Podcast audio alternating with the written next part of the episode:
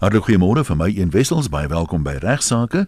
Die program word moontlik gemaak deur die Prokureursorde van Suid-Afrika en die man wat luisteraars se regsvrae beantwoord is Ignas Kleinsmid van van Velden Duffy Prokureurs op Rustenburg. As jy regsvrae het wat jy wil hê ons moet behandel, kan jy dit direk vir Ignas stuur, ignas by ffd.co.za.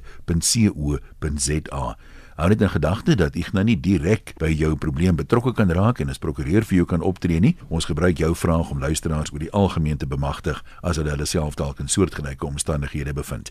Môre Ignas. Môre Ian, môre luisteraars. Sommer net dankie ook eh, Ian vir al die mooi briefies wat ek en jy kry. Dit is altyd lekker om te hoor dat mense die program geniet en daaruit baat vind. So baie dankie daarvoor. Ons hoop ook dat vandag se program uh, prakties vir mense iets gaan beteken. Kom ons sê sommer ook net vir mense wat dalk nie kan luister maandag half 12 na regsaake en elke program is as potgooi beskikbaar. Hoe jy maak, jy gaan na die webwerf toe rsg.co.za, so bo in die bladsy klik jy op potgooi, dan maak 'n nuwe bladsy oop waar jy alfabeties kan afrol tot by R vir regsaake of regsaake as sleutelwoord as soekwoord kan intik en as al die programme daar jy kan hulle aflaai op jou rekenaar en luister net wanneer jy wil en by elkeen is ook 'n kort opsomming van die inhoud van die betrokke program. Ja, Ian, uh, ons het almal, wel die meeste van ons luisteraars het seker groot geword in 'n situasie waar die tradisionele gesin bestaan uit 'n uh, eh, ma en pa wat behoorlik getroud is en dan 'n uh, kinders kry of nie kinders kry nie afhangende van die situasie waarin hulle hulle self in bevind, maar ons almal weet ook dat die hedendaagse gesinsamestelling heeltemal verander het. Daar baie nuwe tipe van gesinne in Suid-Afrika en in die wêreld is en dat daar veral met ontwikkelende tegnologie al hoe meer ander moontlikhede is vir ouers om hulle gesinne te begin in plaas van door die normale manier van uh, ek en jy is die natuurlike ma en pa vir ons kinders. Nou die uitdaging vir ons regstelsel om op hoogte te bly met hierdie verwikkelinge en te verseker dat die betrokke partye die nodige beskerming geniet is nogal uh, redelik uitdagend. Die Suid-Afrikaanse Regshervormingskommissie het in 2002 al aanbeveel dat uh, alle regsverbintenisse in die geval van gemeetskenkers verbreek word. Nou ons praat hier van spermskenkers en ons praat van waaroor ek gaan gesels nou vanoggend met julle is die spermskenker ooreenkomste waar die skenker bekend is.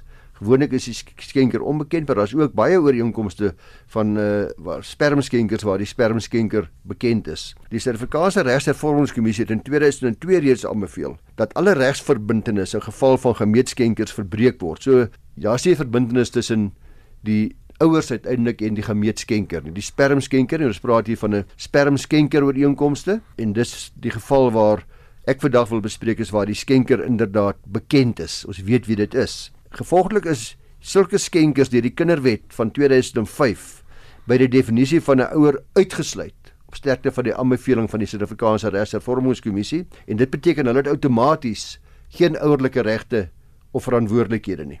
Nou gemeetskenkers word egter nie verhoed om deur middel van artikel 21 of 23 of 24 van die Kinderwet aansoek te doen vir toekenning van sekerlike ouerlike regte en verantwoordelikhede ten opsigte van hulle biologiese kind of kinders nie. So normaalweg geen regte nie, dit is uitgesluit in die definisie van 'n ouer, maar dieselfde wet maak voorsiening dat daar 'n aansoek gebring kan word. Nou uh vandag wil ek die moontlikheid van 'n sogenaamde known sperm donor agreement waarmee die KwaZulu-Natal se Hooggeregshof in die saak van BR versus L in die einde van verlede jaar gekonfronteer is met u as luisteraars bespreek.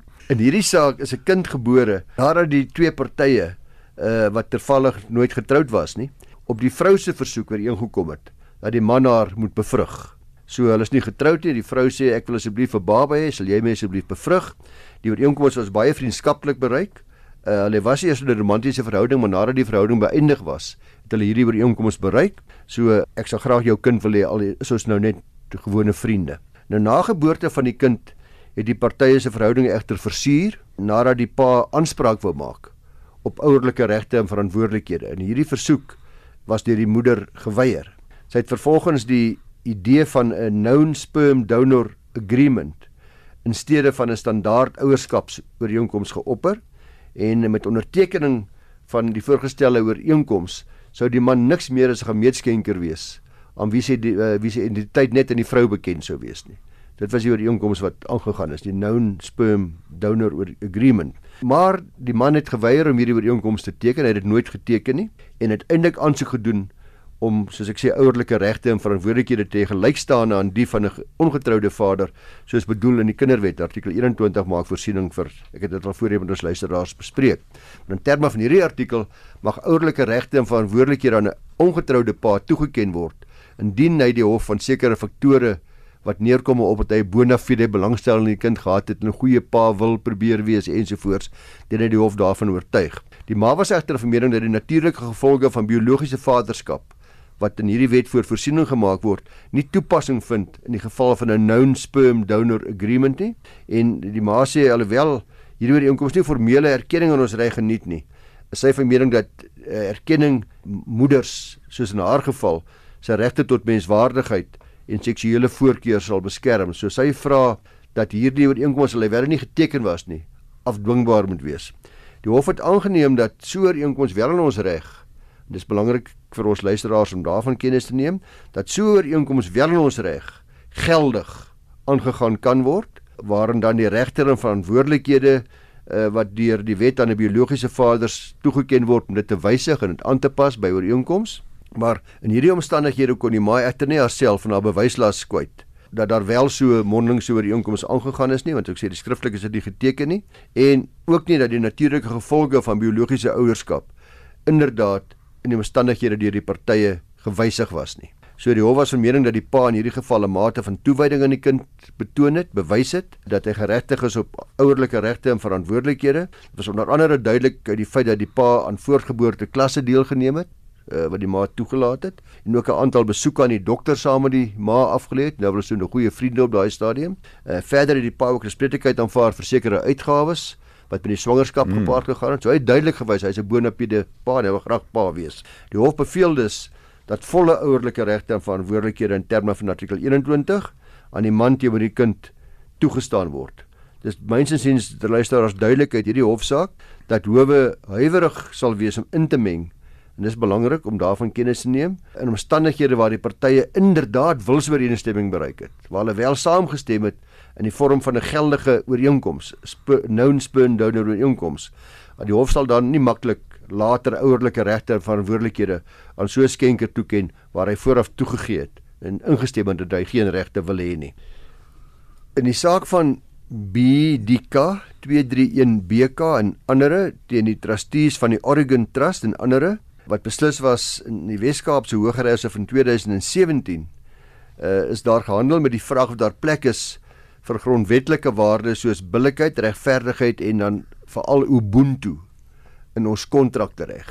Die applikante was konsignasienemers, ek gaan maar sê franchise nemers, is 'n erkende woord sover ek verstaan. Uh, in terme van 'n franchise ja. ooreenkoms. Daar gehoor hulle praat van konsessiehouers. Weet nie wat dieselfde ding is nie, regstegnies. Ons praat dan maar van konsessiehouers dalk maar in elk geval daar was 'n hulle was die franchise nemers in terme van hierdie ooreenkoms met die tweede respondent en die applikante is almal besighede met swart eienaarskap. Nou die eienaars van die applikante het die besighede in 2011 bekom deur middel van 'n swart bemagtigingsinisiatief wat die tweede en die derde respondente van stapel gestuur het. Nou nadat hierdie ooreenkoms tussen almal nou aangegaan is en die tweede respondent het die applikante ook hier ooreenkoms met die eerste respondent aangegaan. Hierdie franchise wat ekos was gekoppel daaraan dat elke besigheid van 'n spesifieke perseel bedryf moes word en dis weens hierdie term wat die huurooreenkoms uh bevat het wat daartoe 'n probleme was van die eienaar van die tweede respondent was die enigste trustee van die eerste respondent. Dit was aangegaan hierdie ooreenkoms vir 'n periode van 10 jaar, die franchise ooreenkoms terwyl die huurooreenkoms net 5 jaar was met die opsie om vir 5 jaar te verleng. Der nie. Die ooreenkoms het egter bepaal dat die huurder die verhuurder 6 maande voor die verstryking van die huurtermyn skriftelik in kennis moet stel of hulle hierdie 5 jaar gaan hernie vir 'n verdere 5 jaar.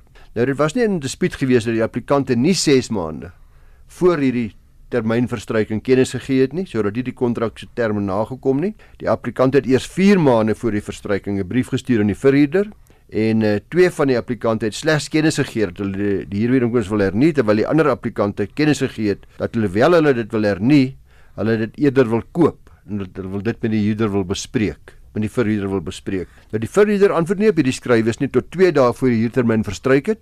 Hy het aangedui dat die applikante nie hulle opsie om te hernie betyds uitgevoer het nie en dat hulle die huurtermyn onmiddellik die huurperseel onmiddellik moet verlaat.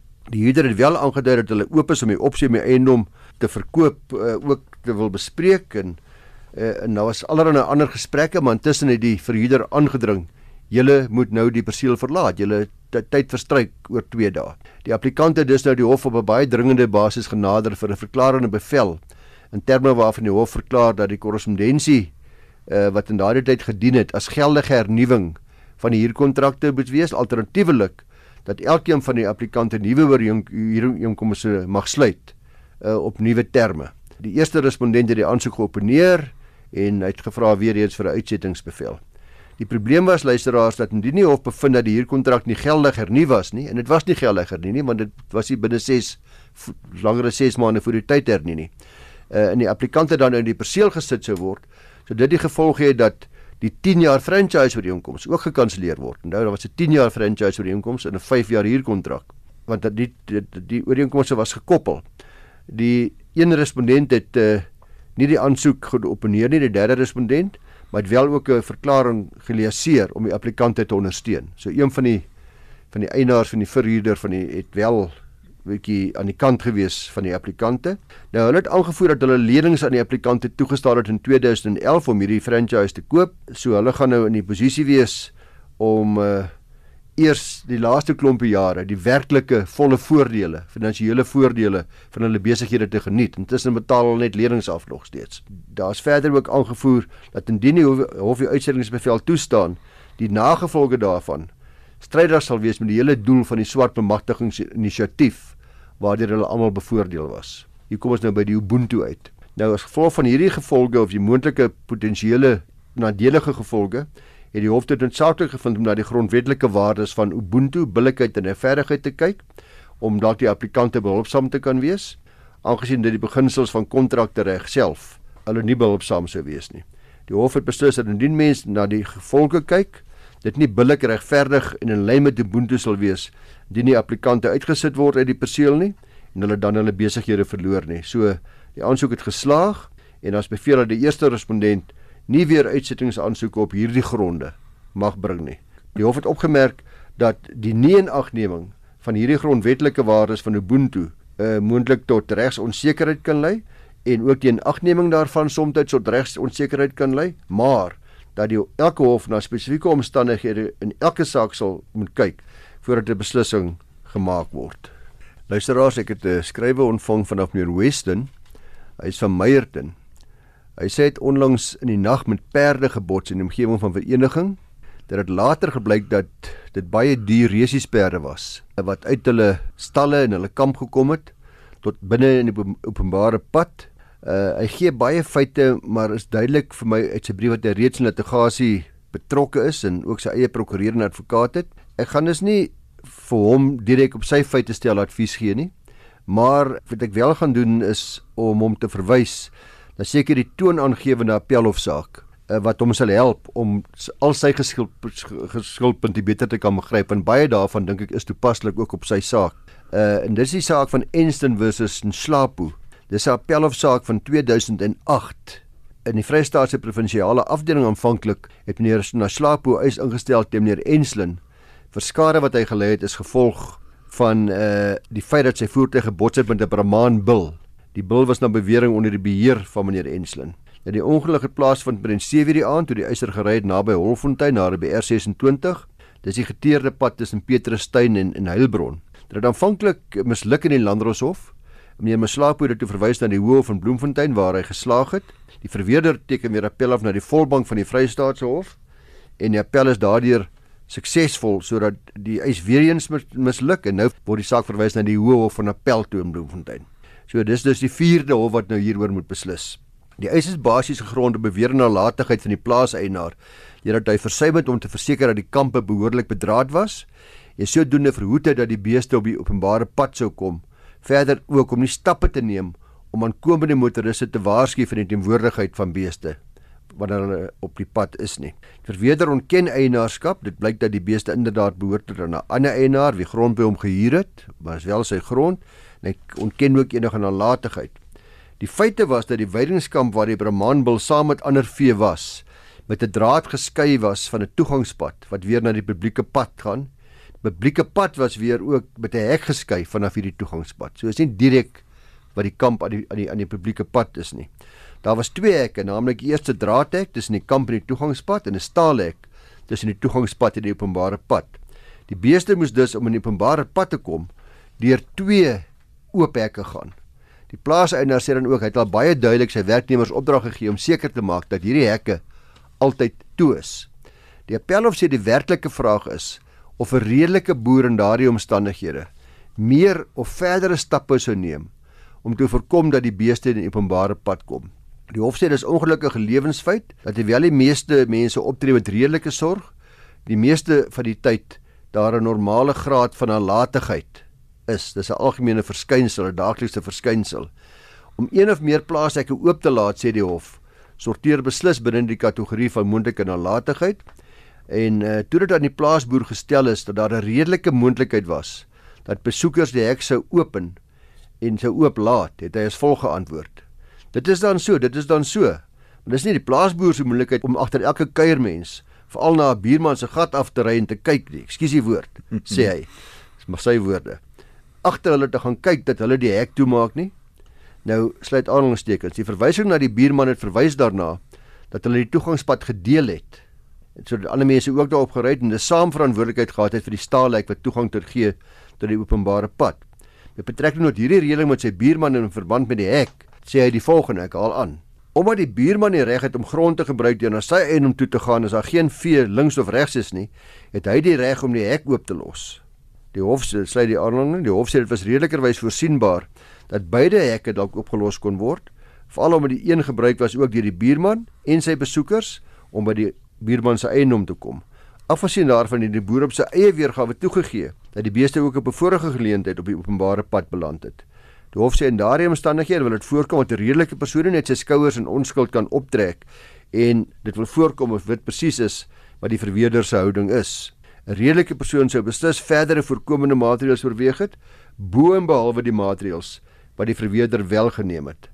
In antwoord op die suggestie dat 'n motorhek geïnstalleer kon word of 'n hangslot, het die boer as volg in die hof geantwoord: Daar's geen wet wat 'n grondeienaar verplig om 'n slot of 'n motorhek te installeer nie. Ek kan vir u maar sê net ter inligting dat by my plot het ek 'n motorhek gehad en die vorige eienaar en sy perd het albei hulle bene gebreek in daai motorhek. So motorhek keer ook nie vee nie. So moenie vir my kom sê ek moet 'n motorhek en slotte aansit. As ander mense wat ook vee eienaars is, se beeste loop net waar hulle wil, wanneer hulle wil by enige Vrystaatse dorpie nie. Eh, sluit aanhalingstekens hy daag dus die hof dan ook uit vir inspeksie in Loko om hulle te gaan wys dat vee oor die hele Vrystaat rondloop op verskeie paaie.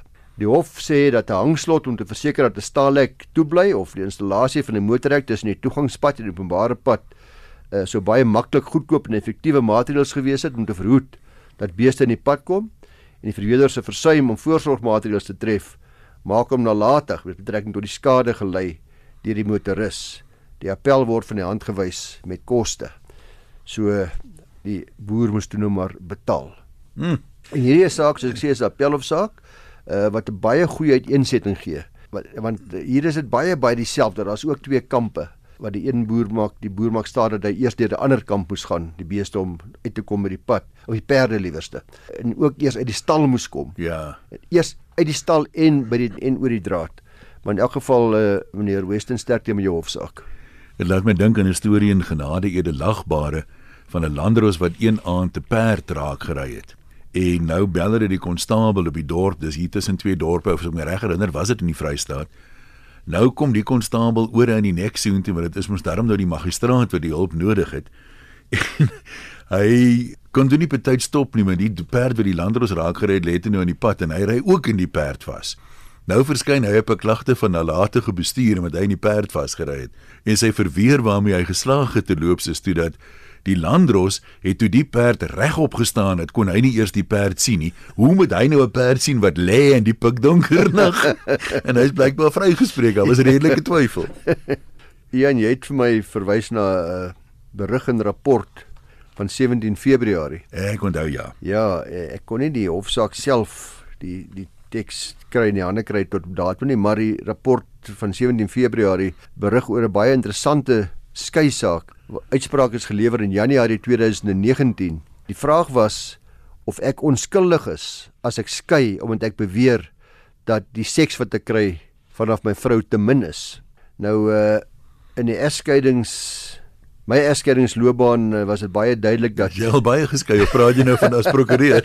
my loopbaan as egskeidingsprokureur is dit vir my baie duidelik geword oor jare heen dat dinge skeefloop veral uh aan die man se kant waar daar dikwels baie frustrasies in die huweliksbed ervaar word. Maar soms ook andersom, soms ook van die vrou se kant af. En uh, ek het voorheen al verduidelik, luisteraars, is belangrik om hierdie hofsaak te begryp dat as jy binne gemeenskap van goed getroud is, daar 'n diskresie in die hof gegee word om verbeurtverklaring te bepaal, te beveel wat beteken dat jou helfte van die gemeenskaplike boedel waarop jy geregtig sou wees binne gemeenskap van goed verbeurd verklaar word ten gunste van die ander party Dit kan ook net 'n deel van daardie gemeenskaplike boedel wees wat verbeurd verklaar word en daar's baie faktore wat 'n rol speel, maar die belangrikste faktor is eintlik jou wesenlike wangedrag gedurende die bestaan van die huwelik. Ook baie keer 'n kort huwelik is ook 'n belangrike rol. Laas keer dink ek gepraat van 'n 'n jong dame wat met 'n ouer man getroud is en binne die eerste jaar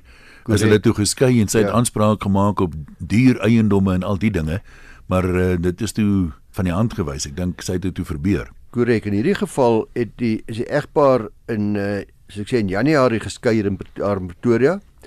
Uh hy was 'n sakeman en hy het onder andere 'n uh, restaurantbedryf. Sy vrou was 'n ver, verpleegkundige en hulle is in 2012 getroud. So die huwelik is nie baie baie oud nie. Getroud binne gemeenskap van goedere. Die man het toe aanspraak gemaak op 'n aandeel in van die vrou se huis. Die vrou het 'n huis besit wat voor die huwelik wat uh, net aan haar behoort het en ook 'n aandeel in haar uh, pensioenfonds wat 'n baie stewige pensioenfonds was. Sy het daar blyklik al baie jare aan hierdie bydrae tot hierdie pensioenfonds gewees en uh, albei partye het toegegee dat die huwelik is onderstelbaar verbrokkel is daarmee heen, maar hulle het verskillende redes daarvoor aangevoer. Die sakeman, die man het geklaar dat sy vrou om die afgelope 2 jaar voor die hofsaak nou ter sprake gekom het uh, sy huweliksregte ontneem het. Uh, sy het ook nie meer haar trouring gedra byvoorbeeld nie. Hy het haar beweringe dat hy 'n affairs gehad het, het hy ten sterkste ontken. Die vrou aan die ander kant het weer gesê die man is selfsugtig. Hy dra die duurste klere met name ensovoorts op, hierdie wat nou mense te designer klere. Designer klere. Hy het oor, in ook baie duur horlosies en hy verduidelik nie waar hy is wanneer hy uithuisig is nie, veral wanneer hy in die vroeë oggendure by die huis opdaag nie. Hy trakteer ook sy minaresse en vriende by duur restaurante, het sy beweer. En sy het gesê sy het geweier om hom te slaap, maar was 'n goeie rede daarvoor want sy vrees sy kry siektes omdat hy rondslaap. Dit was haar beweringe. Uh, Regter Daisy Molefe het die egskeiding aangehoor en bevind dat uh, sy glo die vrou oor die man se wangedrag wat dit gelei het tot die verbrokkeling van die huwelik en uh, sy uitspattigheid, eh, sy volgehoue laatkommery, sy sosialisering, sy proskumuiteit uh en dat hy net tot die gemeenskaplike boedel bygedra het, het gesê tel teen hom. En sy het gevoel dat as hy dus in hierdie gemeenskaplike boedel sou deel, sou hy onregverdig bevoordeel word. En sy het gesê dat uh hierdie man het net met 'n paar goedjies tot die uh boedel bygedra, hondekos en huursware, hy het niks bygedra tot die koop van die huis nie en sy vrou se pensioen nie. En uh, uiteindelik het sy dus gesê dat uh, die man se klagtes dat sy vrou nie meer haar trouring dra nie of weier om sy van te gebruik weeg nie op teen sy wandade nie.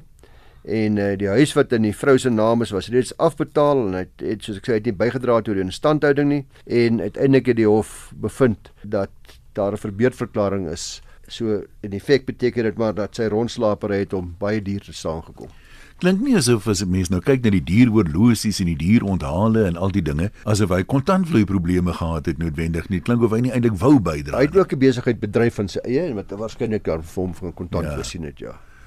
Nee ja, hoe hoe sou die mens nou eindig jong man in die Ahmed laat dit gesê laat dit vir jou 'n les wees ek nou dink nie ons gaan tyd hê vir nog iets nie kom ons sê net weer vinnig As jy nie na regsaake kon luister nie, dan kan jy weer na enige van die vorige programme op Potgooi gaan luister, gaan na rsg.co.za toe klik daar bo in die bladsy op Potgooi, 'n nuwe bladsy maak oop en dan kan jy alfabeties afrol tot op regsaake. Dit's almal daar. Jy kan dit aflaai op jou rekenaar. Jy kan ook jou vrae vir ons stuur. Onthou net dat ek nou nie direk as regsverteenwoordiger kan betrokke raak by jou saak nie. Ons gebruik jou gevalle studie om luisteraars in die algemeen te bemagtig hier op regsaake. Stuur jou vrae direk vir hom, igna by ffd.co.za. Vir my en Wessels, dankie dat jy geluister het. Ons praat volgende week weer.